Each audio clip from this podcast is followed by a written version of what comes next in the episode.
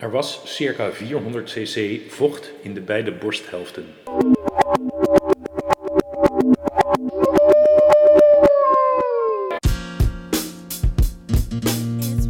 Vicky drinkt haar apfelkorn in één keer op.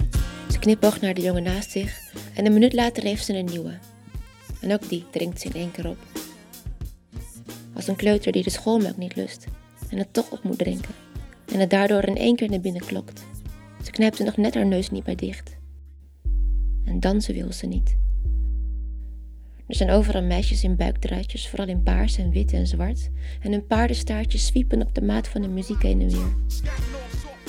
Er zijn jongens in grote witte truien met een opdruk. Er is een superknappe jongen in een houtdrakkersblouse.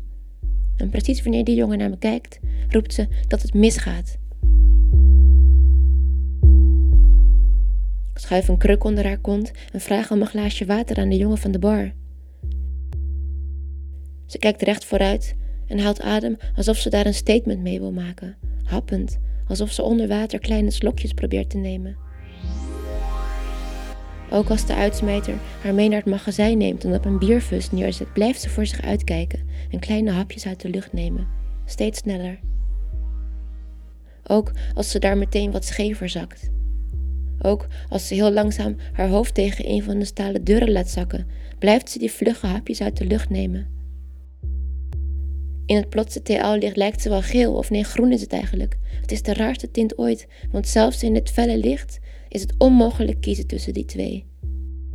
Het is grijs ook een beetje.